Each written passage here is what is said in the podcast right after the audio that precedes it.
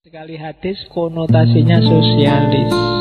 Bahkan Nabi sering bilang layuk minu, layuk minu macam-macam.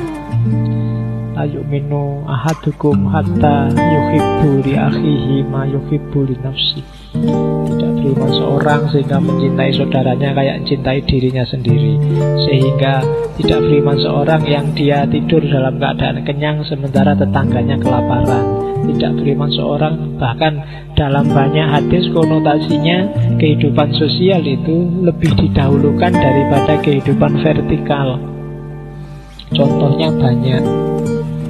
Ada yang orang mau naik haji nggak jadi naik haji karena tetangganya butuh biaya.